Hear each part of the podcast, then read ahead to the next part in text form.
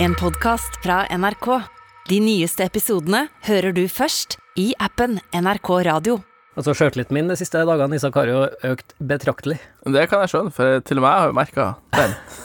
Det er jo tydeligvis ganske mye folk som tror at jeg er med på dette Maskorama for tida. Ja, det, Og det jeg skal ikke verken bekrefte eller avkrefte noen rykter her, her og nå, men uh, jeg tar det som et stort kompliment. Det kan jeg si. For å synge, det kan jeg ikke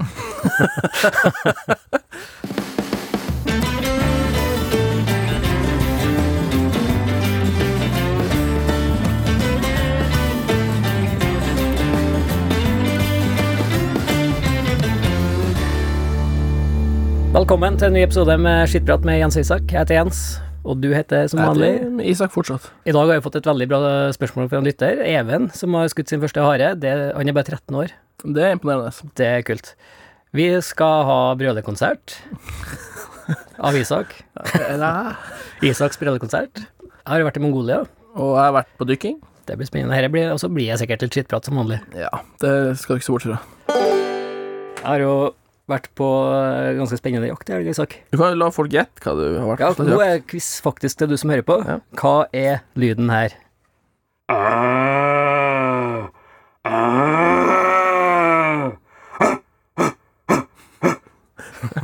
Og det er ikke, det er ikke brunsbrølet til Isak. Jeg får noen bilder i hodet. Nei, det er ganske rått, da.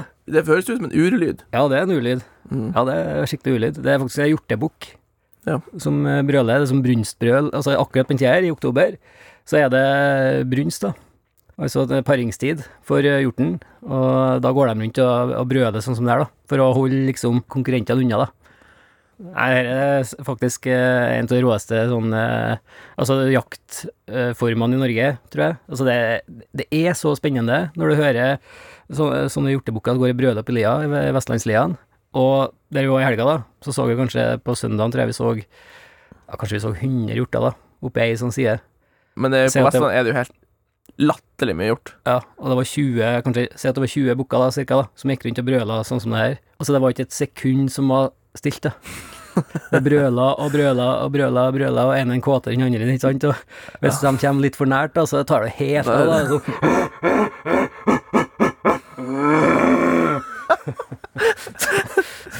Nei, det er fantastisk jaktform, ja. Så det anbefaler jeg å prøve. Og så måten du jakter på, er jo at du lokaliserer jo bukken med lyd, og så du hører jo ofte hvor den står igjen. Ja. Og hvis det er stille, så kan du terge den med et lite sånn En sånn ung eh, En ung Ja, sånn, Ja, en, akkurat stemmeskifte. Akkurat i stemmeskiftet. Nå tenker han Satan om han skal stå der og brøle. Blir så forbanna, så da kommer de, da. Og skal jage bort den denne jyplingen, da. Og så møter han en seks og en halv. Ja, så møter jeg på Ja, så det er jækla spennende. Så du kan ofte lokalisere dem med å så terge dem litt, da, for da begynner de å brøle, da. Så hører du hvor de står hen, og så Ja. Snik dere dere da inn på de da, eller ja, dere vil ha de til å komme til dere, dere. Nei, du må snike deg ganske nært. Altså, det som er, da, de har ofte De her storbukkene, da. De sjefene, de har ofte mye sånne Mye likhet til dette, merker jeg, med hva du holder på med, og det, de, de sjefsbukkene har ofte mye sånn koller rundt seg, da. Ja, Ja, altså, altså uh, hodedyret. Ja. Ja. Um, sånn sånn uh, sjefsbukk har kanskje sånn fem til ti damer rundt seg, da. Ja. For at det er jo han som liksom er De vil jo De trekker jo mot den sterkeste, sant. Det er naturens uh, Ja, det er vel evolusjonsregel. evolusjonsteknikken der, ja. Og så er det litt sånn at eh, kollene, tror jeg, trekker mot den største, fordi at de, den største bukken jager bort de små. For at det er jo litt sånn Altså, det er jo, Ja, for han vil ikke at den jyplingen skal stå det er jo tida for for, voldtekt i skogen Ja. på den tida der. Er egentlig Og sånn tjuvparing og sånn. Si det som det er, ja. Så for ei kolle er jo mye tryggere å være sammen med en storbukk. Ja, for da blir jo ikke voldtatt av en sånn ung jypling. Nei, nettopp. Jeg tror faktisk, jeg tror faktisk helt oppriktig at det er Akkurat det er det. akkurat sånn det er. å se for deg hvis du går alene som ei kolle inni, altså det er jo et eh, Det er jo som et minefelt av sånne unge Små jyplinger. bukker, ja. Så hvis de holder seg sammen med andre, så er det jo hun er jo ikke noe interessert i å få en sånn liten bukk. Nei, nei, nei. Vil jo ha Storbukken. Ja, det er jo størrelsen som teller sikkert der òg. Og så tror jeg det er hvis de er sammen med ti andre koller, da. Sammen med én bukk, bare. Ja. Så er det liksom, da slipper du liksom å trø til hver dag, liksom. Da, da kan du Ja. jo Ja. Kan ha seg en fridag. ja kan du slappe av litt og litt fri og komme seg igjen mellom slaga. Så eh, utrolig fascinerende fascinerende dyr. Og så er det veldig sånn, eh, i hvert fall på Vestlandet, super sånn naturopplevelse, da, for du går jo med Det er jo 1000 meter rett opp fra fjorden, og så har du jo den utsikten, da, utover eh, Ja, Sognefjorden, der vi var, da. Og ja, ja, snø det er på toppene. eh, ja jeg syns det er helt sjukt når du får snø på toppene, og så det er enda Blad i trærne. Ja, det er fint. Det syns jeg er helt vilt kombinasjon, faktisk. Ja, det var litt sånn mm, altså er det et eller annet det er sånn urfølelse når du går opp der og det brøler rundt deg, og du kommer jo Det er jo ganske tett, da, så du Ja. må jo snike deg inn på sånn 30-40 meter, kanskje. Og når det står en sånn uh, svær bukk og brøler mot deg, da, så kjenner du det i ryggmargen, altså. Det sånn, det, du kjenner det dirrer, bassen ligger og dirrer inni lungene sånn. Ja. Ja, det er helt sjukt. Men du har vært eh, Jeg har jo vært over vann, og du har jo vært under. ja. Jeg var jo og dykka litt eh, siden når vi var her sist. Ja. Så nei, det var jævlig artig. Jeg har dykka på ja, et lite småbruk som var oversvømt, og så ble det en del vrakdykking. Så da har jeg vært på en russisk tråler, det var vel det kuleste dykket jeg var på, Ja. som har gått ned. Det var ikke så lenge siden, så det er liksom mye av båten intakt, og svømte imellom vaierne der, og nota Ja, og kult. Ja, du kjente deg igjen på Ja, jeg gjorde båten? det. Så Og dro litt spaker og dro litt spaker, sjekka hydraulikken og var inne i lasterommet der og Ja, faen artig. Ja, kult. Men jeg syns jeg så noen bilder av at du har vært oppe, oppe i lufta en runde her. Ja, det var jo sånn klatreparadis egentlig attmed der vi var. Og han var i lag med han er jo jækla ivrig å klatre, og han hadde jo alt Ja. utstyr og greier, og Så vi måtte jo ta oss en tur opp på et sånt Det kaltes det blad, jeg tror. For det så jo ut som et sånn blad Ja. i stein, da. Sånn en eh, Det var kanskje 20 meter høyt og 5 meter bredt, kanskje. Ja. Så vi var nå klatra opp på det også, og så um, Og der er vel kanskje litt av greia der at man burde ha sertifikat og sette seg inn i tabeller. og- Akkurat på sånn klatring så tenker jeg at da kan jeg tenke meg å gå på et kurs, jeg òg. Jo, men der er det òg det med at hvis du har vært nede på 25 meter, så skal du jo ikke opp i høyden. Ja, sånn ja, så rett etter dere dykka. Ja. Ja, ja. Men eh, hvordan funker det? Det er jo dykka, men ikke sånn på dypt eh, vann, da. Men det er jo noe sånn trøkkgreier at du skal, hvis det er under 20 meter eller noe sånt der, så skal du stoppe på tur opp og sånn, ikke det? Jo, du har med, det har med metning, for at når du eh, Når du puster, egentlig veldig forklart, så puster vi jo inn oksygen og karbondioksid nå også. Mm. Men nå er jo kroppen vant til at man får inn, og så kvitter man seg med det. Ja. Mens når det er på 20 meter, så puster du inn ikke Da fyller du lungene med 30 liter luft istedenfor 2 liter luft Ja. hver gang du puster. ja Så du får jo inn ja. Så du får jo inn helt mer mengder latterlig mengde med karbondioksid. Ok, så det hoper seg opp liksom i kroppen? der er faktisk, Hvis det finnes en gud som har laget kroppen, så har faen meg han gjort en dårlig jobb, for at lungene våre tar lettere opp karbondioksid. Det er ikke sikkert den tok til høyde for at vi plutselig skulle være 20-30 meter under vann, da. Nei, og nå har jeg, det her er jo andre gangen føler jeg er ordentlig redd på leggen. For jeg våkna jo nesten opp død for tre dager siden. Nei. Jo. Våkna opp nesten død. Det har jeg for så vidt gjort etter julebord, jeg òg, men Ja, og det var Jeg våkna faktisk opp død, egentlig. går det an å våkne, våkne opp? Ja, jeg våkna, jeg våkna opp død, rett og slett. Det er nærmeste jeg har vært å våkne opp død noen gang. Nei, jeg var en kompis, skulle på rypejakt nå, faktisk nå når jeg for ned hit. Stoppa bilen, fyrte litt bål bakom bilen, og så ble det litt kjølig, så vi tok en sånn liten brenner. Sånn jævla sånn peisfyrer. Ja. Satt den inni der, og så ble det jo litt kjølig på nytt igjen, så da lukter vi igjen skalka lukene. Satt oss der inne og tok oss en to-tre pils, og så hadde jeg en liten skvett med akevitt igjen. Så tok vi den. Og pratet litt skit, og så tenkte vi ja, vi skal vel opp i morgen, så da er det bare å krype på sånn. Og så våkna jeg der i sånn halv ni-ni-tida der. Og så kjente jeg jeg var jævla vondt i hodet, litt sånn halvkvalm, og så, men så var jeg jævla trøtt, egentlig. Så jeg, hadde, jeg kjente at jeg hadde bare lyst til å legge meg og sove igjen. Pekka litt i han eh, kompisen min, Mm. våkna ikke.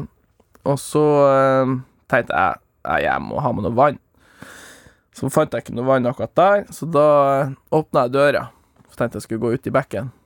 Og da hoppa han Buster ut av bilen, og så uh, svima han Buster av. Ja. Han bare går detter rett over. Og du blir jo jævlig dum akkurat den tida der. Så da tenkte jeg jo Ja, det var jo jævla pussig at han skulle svime av. Og så eh, kjente jeg jo, når jeg gikk ut av bilen, kjente jeg bare Å, helvete, hva dårlig jeg er. Og støtta meg til bilen, og så roper jeg Geir Arne. Så svarer han, sier han Skal vi stå opp? Sier jeg, sier jeg liksom bare ja. Og så går jeg, begynner jeg å krabbe, for jeg klarer faen ikke å holde meg oppe. Nei. Og så tenkte jeg, for jeg hadde jo noe ørebetennelse, så jeg tenkte kanskje det var det som var gjort Så jeg sa i hvert fall ikke at jeg var dårlig til han Geir Arne. Jeg tenkte det skulle jeg i hvert fall ikke gjøre. Så jeg gikk rundt, og så prøver jeg å røyse meg opp til bilen igjen, og da er, da er jeg bare borte. Nei. Jo. Svimmer av du da? Svimmer rett da. Så tydeligvis, da, så har jo han Gran også gått ut av bilen. Og han Gran har ta, gått ut, tatt tak i kuken og begynt å pisse. Og så har han bare kjent at her skjegler han om. så han datt rett ned og pissa seg, altså pissa på seg heller. Og så går det lang tid, sier han, så begynner han å dra tilbake igjen til bilen her, helt til Jørska, og så ser han at jeg ligger der, og begynner å vekke meg. Ja, vi var jo i sånn mellomstadiet der da, fra klokka ni til To mann og en hund lå svima av utafor en bil. Ja, to hunder sikkert. Gullåsforgiftning, da. Ja, Det er egentlig det. Ja, Og så, Det er farlig, ja. og så kjente jeg jo bare, tok meg på halsen, det kjentes ut som et jævla kyllinghjerte jeg har fått utlevert, som sto på full hamring.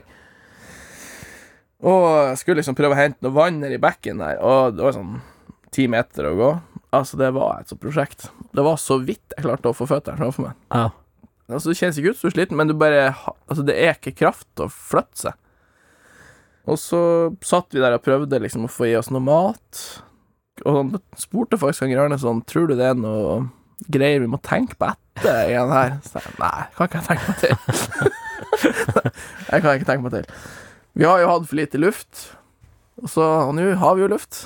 Så da er jo egentlig case closed, tenker jeg. Men eh, vi må jo bare prøve å komme oss på rypejakt. Så vi begynte jo å gå, og det, det gikk Altså, det gikk jo faen ikke an å forflytte seg. Så den kompisen min snudde jo nesten med en gang og gikk ned til bilen. Mens jeg prøver jo å krige meg opp og fortsette. Og øh, han kompisen min han sitter inne i bilen og venter på meg. Da er klokka sånn rundt fire-fem på ettermiddagen. ja. Og da har han 140 i hvilepuls. Nei. det er ikke sunt. Ja, han spydde jo, og hundene spydde, og Ja, da, det tror jeg var jækla nær, for dere, det er farlig, altså. Ja, det var For vi ringte jo Eller han ringte jo dama si når vi var på turné igjen, og da. Ja. Da ble det jo jævla mye styr. Så Ja. da måtte vi jo faen meg inn på sjukehuset og ligge der og med sånn blekksprut over hele kroppen og luftovervåkning, og det var mye greier. Så der sa de vel at de trodde at de var sånn ja, mellom ti minutter og en time unna. Ja, ja det er sjukt nært, ja. Ja, det er, det er jækla farlig, altså. Så det er faktisk egentlig akevitten som berga oss. Ja.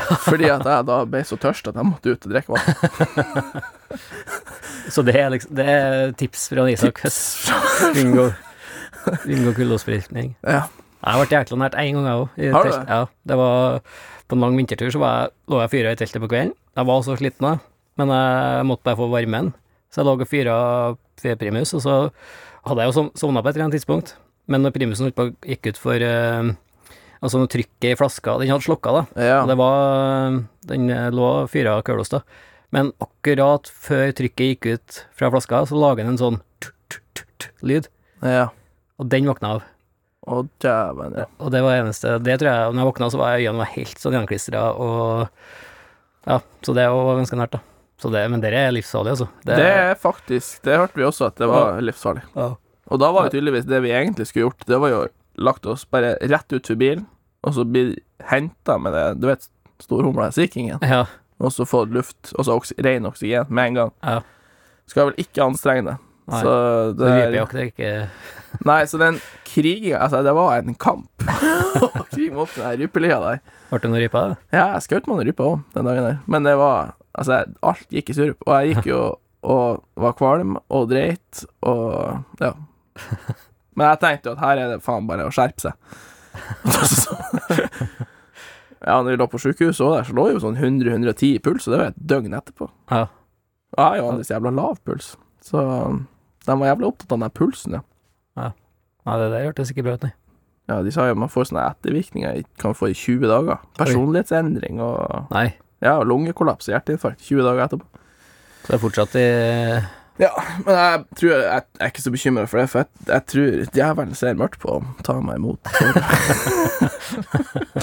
du kan se, se lekt med deg ennå. Nei, så det tror jeg går bare godt.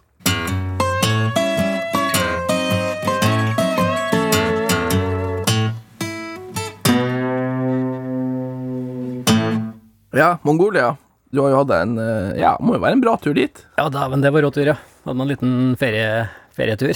Liten stikker. liten stikker. Nei, det var nei, eventyr. Det var helt rått.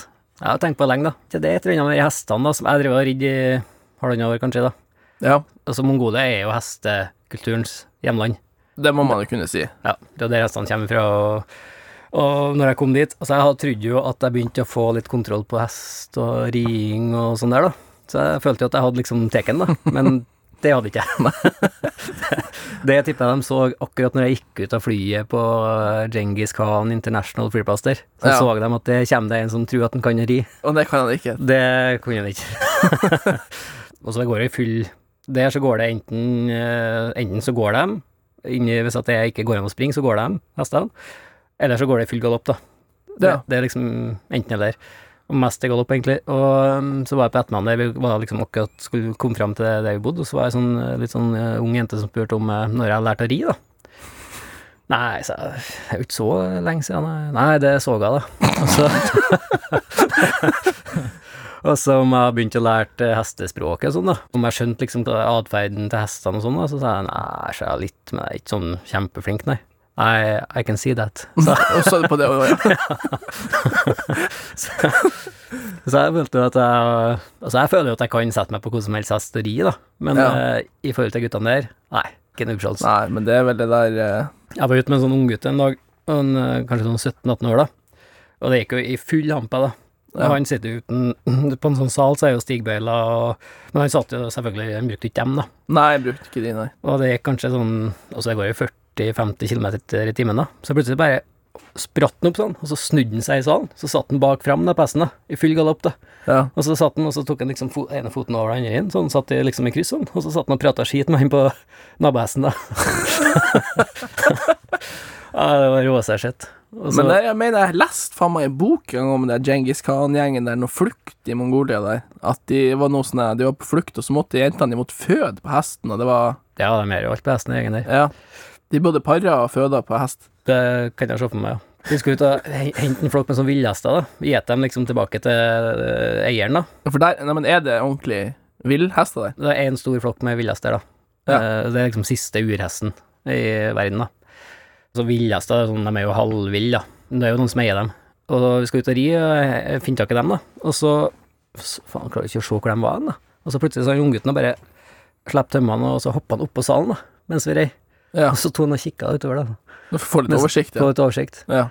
Nei, det var jæklig imponerende, altså, å se på. Og så møtte jeg en sånn pill og bue-gjeng, da. Det har vært en sånn guttedrøm i hele mitt liv, da. Mongolias største historiske begivenhet, det var jo når Djengis Khan liksom samla hele Mongolia, da. Og begynte å, liksom, å krige mot Kina og alle landene rundt seg, og skapa Mongolriket en gang i tida, på 1200-1300-tallet. Det var jo faktisk verdens største rike en stund. Helt til nesten til Østersjøen her, i, eh, ja, i Polen, da. Og helt ut til Stillehavet i øst, Japan. Det er ganske svært. ja, det er Mye større enn eh, Russland er i dag, da. Og det var jo på grunn til akkurat at de var så jækla gode til å skjøte med pil og bue fra hest. Ja. Se for deg en sånn horde med altså, hundretusenvis av av soldater da, ja. som kommer med hver sin hest og raser i vei, da, og i full galopp og skjøter med pil og bue. Det er det jeg har lest så mye om, og så det var en sånn liten guttedrøm. Jeg måtte bare prøve det greiene der, da. Du hadde lyst på en sånn her på 100 000 mann? Nei, ta- det, det Jeg mistenker at du kommer litt for kort i dag, da. Men da var det litt sånn uh, Ja, ja, men jeg kan se for meg i den tida der Man så jo når de begynte å krige med hest, så var du Ja. ganske overlegen når du hadde sverd og hest. Ja. Samme også, så var du ganske overlegen når du hadde pil og bue. Ja. Men når du da har pil og bue på hest, Ja. Så begynner det å bli Rimelig rå. Ja. Ja. Så møtte jeg liksom tilfeldig jeg kom i kontakt med en sånn gjeng der, da. Og de var jo altså helt fette rå. Og skyte med pil og bue. Ja. Med pillebø. Og de, altså det går jo så fort, da. Og så eh, liksom når de skal eh, Kommer liksom det blinken står, da, så reiser de seg opp i, i salen, og så begynner de å skyte, da. Ja. Så de eh, ser jo ikke på hesten, eller de styrer med fotene. da. Ser kun på blinken, og så skyter de De skyter ikke bare én pil, da. De sky- skyter kanskje ja, tre, fire, fem biler. På, altså det tar ca. ett og et halvt sekund mellom hver Samme bil. som en som er skikkelig god å skyte med rifle har. Mellom. ja sånn halvautomat, nesten. Nei, det var så imponerende. Det var så Så jeg fikk jo prøve, da. Så jeg trente jo på det noen dager der, og det var Så jeg fikk jo til etter hvert, da. Så det var Ja. Og den følelsen til å sitte på en hest i full galopp, og du står Ja, og slipper tømmene, og liksom lar det Nei, gå. Det var Det var en guttedrøm som gikk i oppfyllelse her, faktisk. Så jeg vet ikke, du har jo null bruk for en sånn egenskap. Men ja, jeg men det, er det faen meg mye man gjør i livet. jeg tenker når jeg sitter på gamlehjemmet og skal varte opp i jenka borti sofahjørnet her, så skal jeg liksom, da kan jeg liksom vi spille fra Mongolia da, at uh, jeg har faktisk eh, skutt med pil og bue fra hest i full galopp Ja. med noen lokale helter i Mongolia.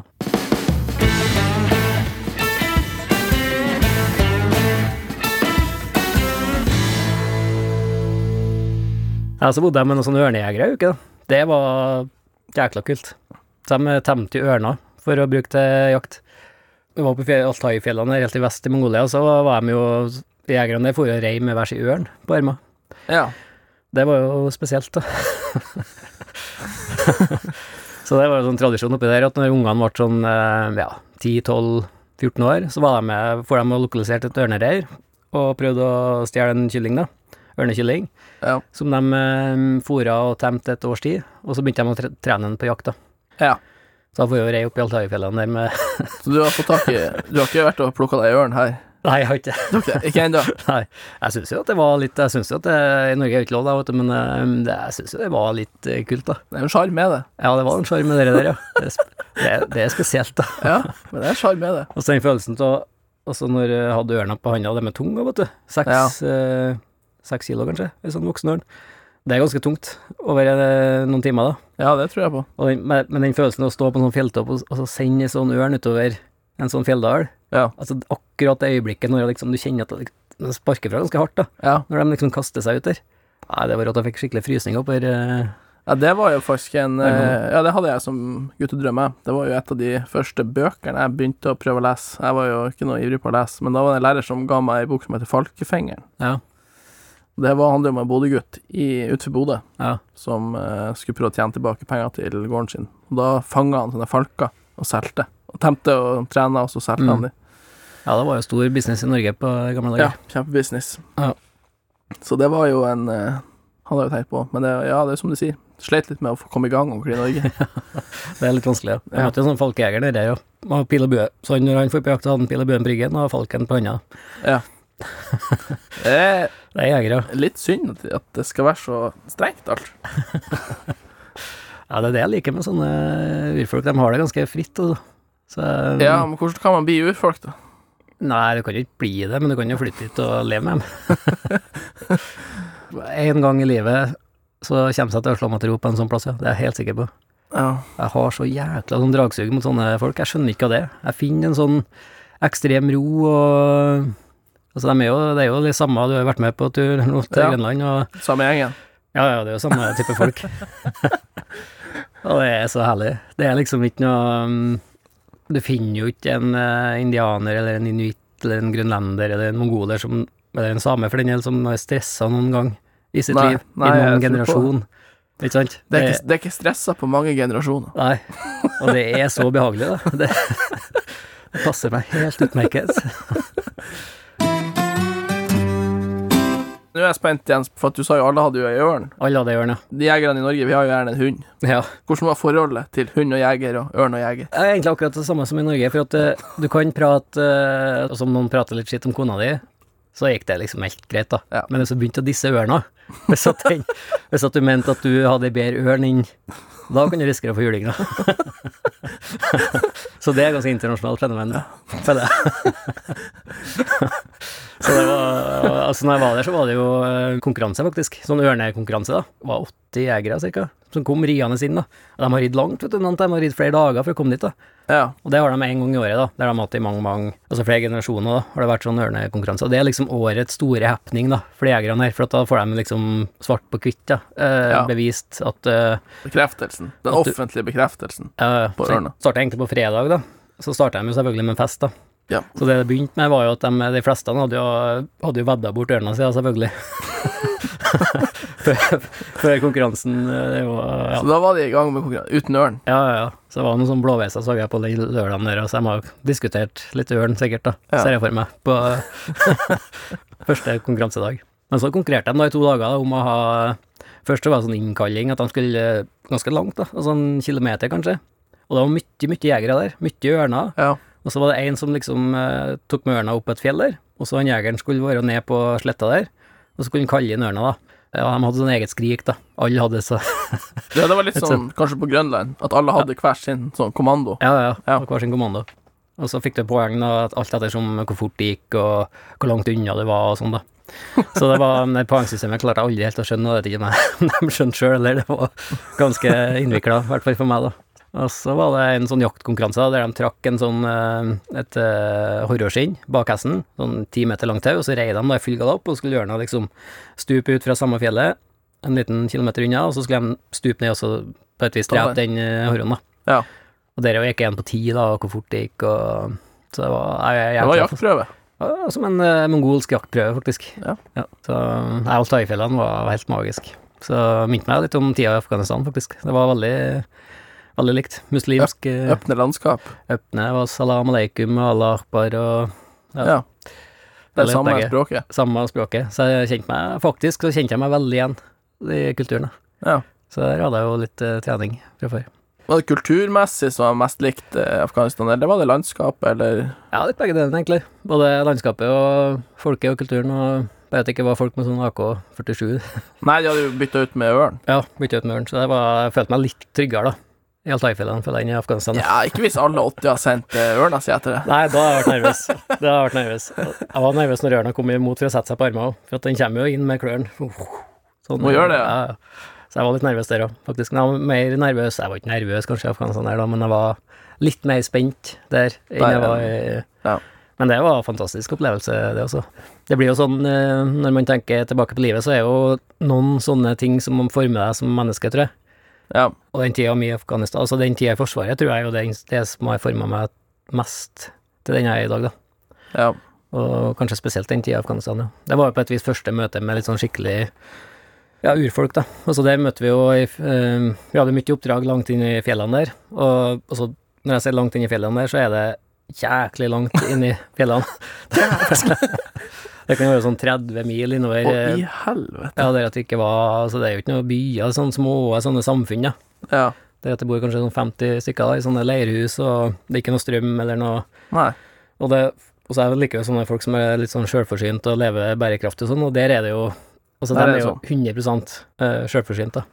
Ja. Jeg husker spesielt en gang vi for over et sånt fjellpass midt på natta. Vi skulle ha noen greier i en sånn liten landsby på andre sida av fjellet der, da. Det var sikkert sånn ja, ti mil mellom de to altså landsbyene, da. Det jo, bor jo kanskje et par, par hundre, da. Men det var en sånn Taliban-kar i den andre enden, da. Og så for vi over fjellpasset midt på natta der, og så plutselig får vi se noen sånne geiter, da, midt oppi passet der. Sånn svært eh, fjellpass der. Mm. Og så kommer fram til uh, Ser jeg med sånn termisk, da, at det var noe greier der. Og så kommer fram, så er det en sånn liten gutt da, på 10-12 år, da, som skulle liksom gjete flokken, eller en liten del av flokken, til familien over til neste, neste landsby selge den, da. Så han skulle samme ruta som dere? Samme ruta. Og da fikk jeg sånn eh, tenkte jeg, fy fader, det er godt å vokse opp i Norge, altså. for han, skulle gå ti mil, da, over fjellet. Kategorien langt med gjetflokken, ja. Ja. Du sier dere skulle jo til den andre landsbyen der og gjøre noe greier. Hva dere skulle Hva slags oppdrag hadde du? hva mi- mission jeg var. Nei, jeg var jo skarpskytter, da, i et sånt uh, skarpskytterlag. Og liksom oppdraget til bataljon, eller hva en skal Det var hurtig reaksjonsstyrke, da. Hvis det er litt sånn brannmann, egentlig, i Norge. Hvis det brenner på dass? Hvis det brenner, så skal du være der, da. Rasap Zulu, som det heter på militærspråket. Ja, ja. Helst for en time siden. så det var egentlig hovedoppdraget, og så hadde vi sånne um, mellomoppdrag hvis vi eh, gikk og sparka småstein. Ja. Så det var, så for min del så var det mye sånn observasjonsoppdrag, da. Så hvis at en skulle inn i en landsby, så lå vi ofte litt på utsida og, og observerte litt før liksom aksjonen skulle i gang, da. For å se liksom hva som foregikk. Og Ja. så hvis det var noen som prøvde å stikke av, så skulle jo liksom vi fange opp det, da. Og, og hvis det ble noe sånn uh, ugreie ting, så var vi hadde oversikt og var redan. Redan. redan. Så det var utrolig spennende. Det var jo 21-22 år. Det må jo så- være drømmejobben for din del som har jeg vet ikke, fetisj mot å se kikkert. Ja, ja, jeg elsker å se kikkert. Det må jo være midt i blinken. Ja, ja, det var dritspennende, faktisk.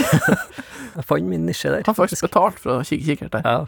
Jeg husker en gang spesielt, da skulle jeg og han makkeren min, da, som heter, altså vi opererte jo to, to og to, Mm. eh, som skarpskyttere. En liksom som var skytter, og så en spotter, da, som heter en som skulle sitte i kikkerten og følge med og, guide deg inn på et mulig mål, eller hva det skulle være, da. Ja. Uh, så jeg og makkeren min var, vi skulle opp på en fjelltopp som Al Qaida brukte for å beskytte en sånn landsby, for det kom en sånn uh, stor uh, politisk type til den landsbyen dagen etter. ja. Så vi skulle liksom være der når lyset kom, for å vise at vi var der. Her kan dere ikke Nei, her er det opptatt, liksom.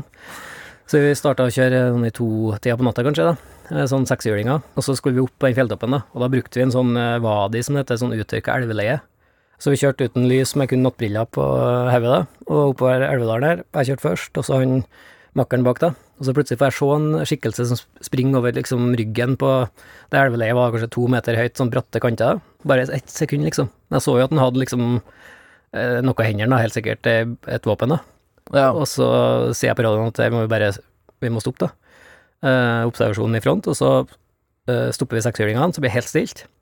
Og da er det helt stilt, da, når du For da er sansene ganske på vakt, da, for at du er rimelig fuck nedi der. Hvis de vet at du er der, Ja, så er du jo ferdig, da. Og da Det sekundene der var jeg helt sikker på at nå smeller det. Vi er ferdig, liksom. Det er ikke noe Det er bare å legge inn årene og Takk og- for. Takk og farvel, da. Og så var jeg helt stilt i, det kjennes ut som ti minutter, men det var sikkert eh, ti sekunder. Og så begynte de å rope, da. Hei, kommandor, hei, kommandor, ropte de da, oppå fra liksom bakafor kanten her, da.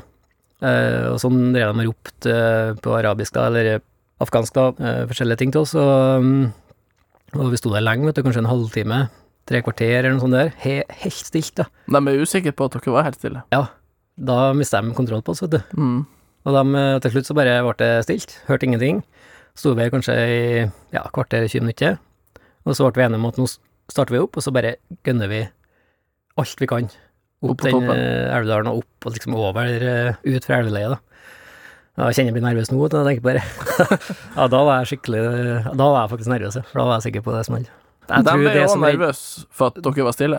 de, de tror jeg ble nervøs fordi at eh, For det første så visste ikke de hvor vi var hen. For de hadde ikke, på den tida hadde de ikke noe nattoptikk eller sånne hjelpemiddel som vi hadde. Og de kunne jo ikke vite at vi var bare to.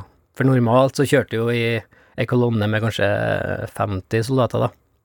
Ja. sant? Og de hørte bare en dur sikkert i elveleiet. Og eh, ja, plutselig ble det bare stille, da. Så det var Ja. det som redda oss, faktisk. Ja. At vi, vi stoppa med en gang der. Og så var jeg redd for at jeg skulle bli sånn adrenalin-junkie etterpå. Det er mange fra Forsvaret som blir det, da. Men eh, Ja. det har jeg berga meg for, da. Men eh, Ja, du har jo gått motsatt. ja. Så du har jo gått til den urbefolkningen der en, Åh, ikke sant. Ja. ja. Nei, men jeg tror faktisk fascinasjonen for det folket starta der, da, faktisk. Ja. Det er det jeg sitter igjen med mest fra Afghanistan. Det er ikke de oppdragene liksom i arbeidssammenheng, for å si det sånn, da. Men eh, det var møtet med folket der som gjorde eh, spesielt unger. Jeg husker en landsby vi kom, vi var ofte innom der. Jeg var der på sommeren. Så For ungene liksom sprang rundt uten sokker, eller for bare i, i liksom det de hadde av klær, da. Kom tilbake på vinteren, så får de akkurat de samme klærne. og så hadde jeg et par sokker i dem, så var de liksom superhappy, da. For at eh, altså, en lever i en sånn fattigdom som ikke går an å forestille seg, da. Ja. Og det husker jeg, det er akkurat det øyeblikkene som sitter igjen, da. ja, for det husker jeg når jeg spurte ham før om det der opplevelsen der, så var det liksom ikke noe militært du snakka om. Det var eh, det, Du snakka om Jeg husker det du først fortalte, det var det med at du kom inn til en familie, og så fikk du liksom Så serverte de liksom det beste, hadde mat Mm. og tok deg rett inn. Akkurat den kjenner jeg igjen i alle urfolk jeg har levd med. Akkurat samme gjestfriheten. Når du kommer Ja. som gjest der, så er det alltid det beste de har, da. Ingen som er verdt noe mer enn noen andre der. Der Det er har vi veldig ting. mye å lære, faktisk. Men det er litt kult å høre, for at man ofte, hvis du ikke har vært der, så hører du jo kun skiten som kommer ifra Sånn Eh, var det i Afghan... Altså, Afghanistan er et fantastisk land, ja. Og Ja. hadde det ikke vært for at det er litt sånn gærninger her fordi altså eh, har Afghanistan vært et sånt prima ferieland, da. For folk som liker natur, og folk som lever litt eh, fra hånd til munn, og fordi fjelldalene i, um, i Afghanistan var Så de er jo gedigen. Det er så svært, da, det landet. Og Ja. frodige fjelldaler, det er jo de høyeste fjelltoppene vi var på, jeg vet ikke, 4000-5000 meter, kanskje. ja. Så hadde det ikke eh, vært for eh, Taliban, så er jeg lett. Altså det ville vært det første turmålet nå. Det er Afghanistan. Ja. Ja. Fantastisk eh, land.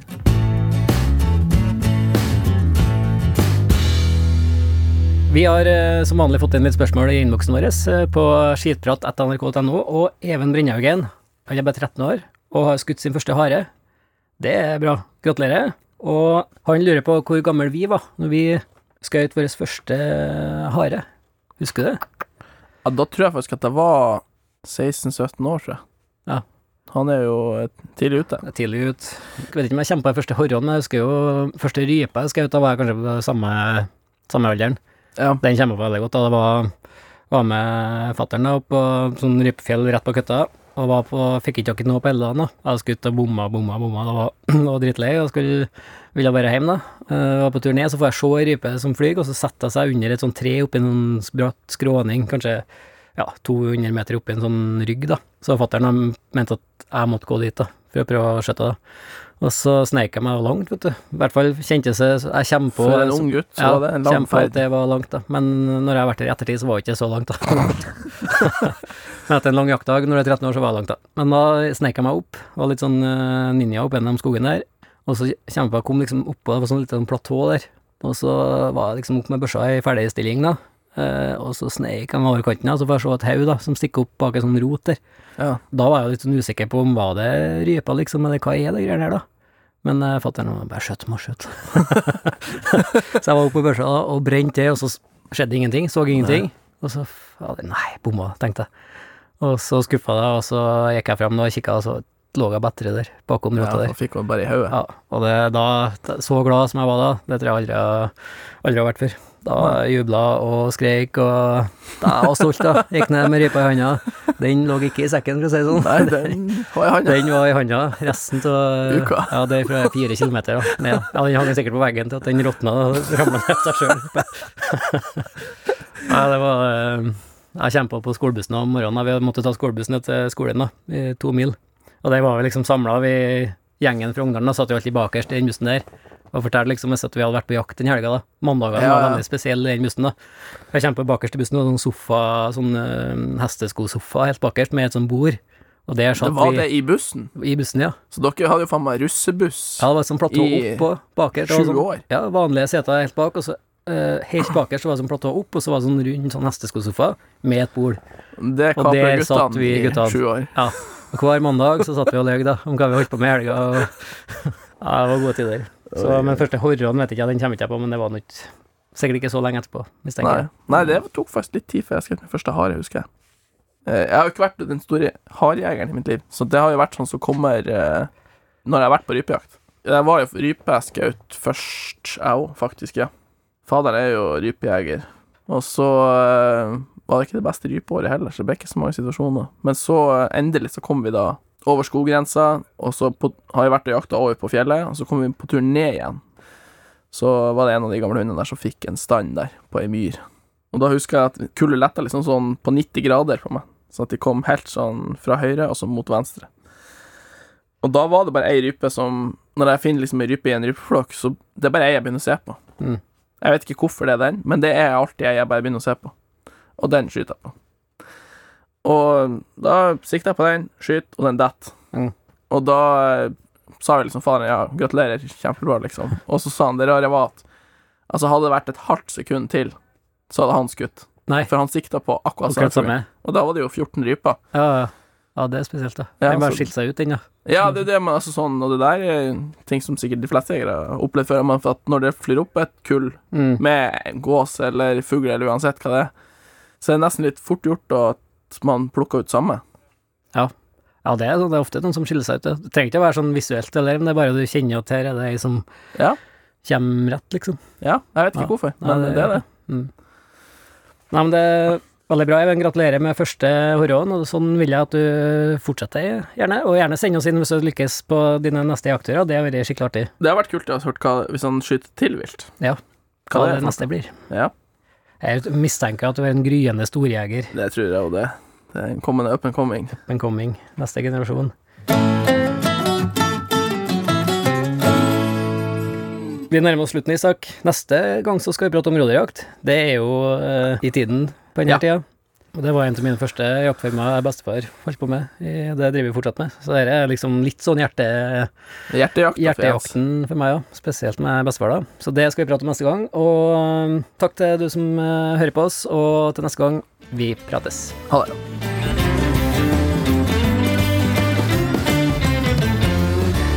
Du har hørt en podkast fra NRK. De nyeste episodene hører du først i appen NRK Radio.